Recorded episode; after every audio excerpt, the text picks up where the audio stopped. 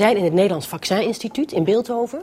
Hier zijn ze enorm druk met de Mexicaanse griep. Dit zijn de vaccins die naar de huisartsen gaan. Wim, als we die vaccins niet zouden hebben, hoe zou Nederland er dan over pakweg twee weken voor staan?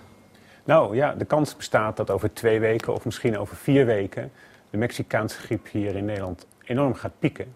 Als er dan geen vaccin was geweest, dan uh, kun je kijken naar hoe het is gegaan in uh, Australië deze zomer. Daar was het toen winter. Daar hebben ze de Mexicaanse griep gehad en daar hadden ze geen vaccin, want dat vaccin was domweg nog niet klaar.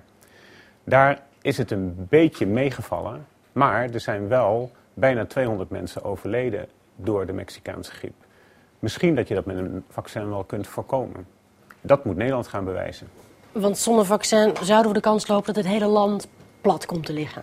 Nou, als je naar Australië kijkt, dat is dus niet gebeurd. Maar wel is de gezondheidszorg, de ziekenhuizen zijn ontregeld. Dus er kwamen heel veel mensen op de intensive care. Die moesten aan de beademing, omdat ze heel erg griep hadden. En daardoor konden andere mensen niet op de intensive care komen. En er moesten operaties worden afgezegd. En er was daar echt wel een beetje chaos in de ziekenhuizen. Wie hebben nou het meest te vrezen van de Mexicaanse griep? Het hangt er een beetje vanaf of je naar de ziekte kijkt of naar het overlijden. Ja, het klinkt een beetje cynisch. Maar uh, het, het, beeld is dat vooral jongeren, dus kinderen en dan hele kleine kinderen, 0 tot 4 jaar, die worden het vaakst ziek. En ouderen overlijden het vaakst. Oké. Dus ouderen hebben het meest te vrezen? Als het over sterfte gaat, hebben ouderen het, het meest te vrezen, ja. Is die focus op het inenten van kinderen dan overdreven? Ja, dat is natuurlijk moeilijk te zeggen. Uh, het is zo dat in het begin van een epidemie altijd heel veel kinderen ziek worden. Want de kinderen die verspreiden het onderling op scholen en crèches en zo. Daarna gaat het naar de huizen en daarna gaat het naar de opa's en oma's, zeg maar. Dat is een beetje de gang van de epidemie. Dus in de epidemie die al af is, zoals in Australië, waar de grieppiek alweer voorbij is, zie je dat er toch heel veel ouderen zijn getroffen. Maar hier in Nederland zien we nu vooral kinderen. En ja, de dood van een kind is natuurlijk ontzettend veel tragischer dan de dood van, eh, ja, ik zal maar zeggen, een 80-jarige. Ja. Nu komt de Gezondheidsraad uh, binnenkort met een nieuw advies. Wellicht het advies om alle kinderen in te enten. Alle ouders denken nu, ik moet snel naar de huisarts. Nu al een vaccin bemachtigen. Dat is blijkbaar nodig. Um, ja, nodig. Het zou heel mooi geweest zijn als dat vaccin in ruime mate voorradig was. Maar uh, er zijn er maar ruim 5 miljoen op het ogenblik. Uh, het vaccin was niet op tijd klaar. Uh, dus er moet gekozen worden. En de eerste keuze was om ja, de zogenaamde risicopersonen die de, al het normale wintergriepvaccin krijgen te vaccineren. En daar zitten de kinderen niet bij. En dat is best op goede gronden. namelijk dat er veel meer ouderen sterven dan kinderen aan de griep. Ja. Maar heeft het voor bezorgde ouders zin om uh, een charme-offensief bij de huisarts uh, te starten? Te gaan zeuren? Ja, ja, kijk, huisartsen zijn natuurlijk verplicht om eerst hun risicopatiënten uh, in te enten. Maar er zullen altijd mensen zijn die die griepprik niet willen. En huisartsen hebben ruim besteld, begrijp ik van een paar huisartsen. Dus er is wel wat over. Um, en die vaccins kunnen huisartsen gebruiken om bijvoorbeeld mensen die ontzettend ongerust zijn of uh, kinderen waarvan ze vinden dat, ja, dat ze toch een gevaar lopen of zo, om die toch te vaccineren. Ja. ja. Maar als hun risicopersonen niet gevaccineerd hebben, dan kunnen ze later de inspectie uh, op hun dak krijgen. Vooral zwangere vrouwen twijfelen erg of ze die griepprikken wel of niet moeten halen. Er is ook veel onrust onder de zwangere vrouwen. Er zouden nare bijwerkingen zijn.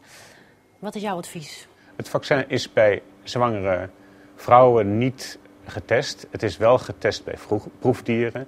En daar is helemaal niks verkeerds uh, uitgekomen. Dus eigenlijk zou je het uh, goed kunnen hebben. Als voorzorgsmaatregel hebben ze al gezegd van nou dan niet in de eerste drie maanden, want dan is de foetus het meest kwetsbaar.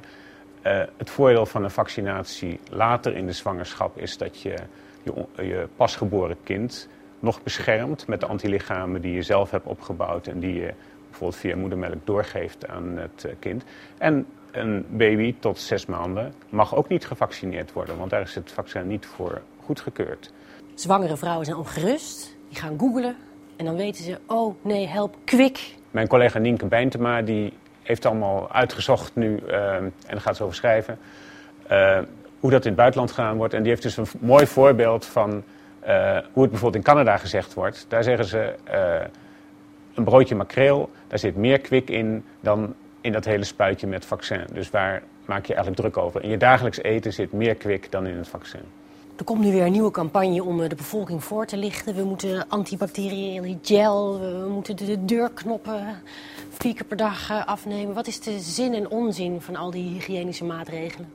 Nou ja, die hebben allemaal wel een beetje zin, maar uh, je moet het ook relatief ten opzichte van elkaar bekijken. Er is nu één mooi onderzoek gepubliceerd over die Mexicaanse griep. Dat was een reisgezelschap in China. En daar kwam uit dat als mensen langer dan 10 minuten een goed gesprek met elkaar hebben, zoals wij hier bijvoorbeeld hebben, okay. dat dan het besmettingsgevaar groter is dan wanneer je voorwerpen van elkaar aanraakt. Dus als ik bijvoorbeeld een camera van jou zou gebruiken of als je mij mm. kauwgom geeft. Moet ik nou echt de hele dag met een doekje door huis de deurknoppen afnemen? Nou, kijk, als je het de hele dag doet, dan, dan heeft het misschien nog wel enige zin. Maar als je s s'avonds één keer de deurklinker schoonmaakt, dan kun je het net zo goed laten. Want dat virus dat gaat s'avonds, gaat overnacht toch wel dood. Oké. Okay. Dus drie keer per dag of, uh, of, niet. of laat het maar, ja. Doe jij er zelf iets aan om actief te voorkomen dat je griep krijgt? Nee, nee, nee, eigenlijk niet. Nee, nee, nee. Geen extra kiwis ochtends of eerder naar bed? Nee, allemaal niet. Nee, ik, ik vind het allemaal... De, het, is, het is een beetje overdreven, moet ik zeggen. Uh, wat er nu gebeurt. Uh, als er een vaccin voor mij komt, dan zou ik me laten prikken. Maar dat ziet er voorlopig niet naar uit, want ik zit niet in enige risicogroep. En voor de rest wacht ik het me gewoon maar af. En ik moet zeggen dat ik niet al te bevreesd ben. Oké. Hey, als we nou zo'n doos zouden mogen meenemen, wie zou jij als eerst van je dierbaren laten inenten? Mijn moeder van 82. Oké. Okay.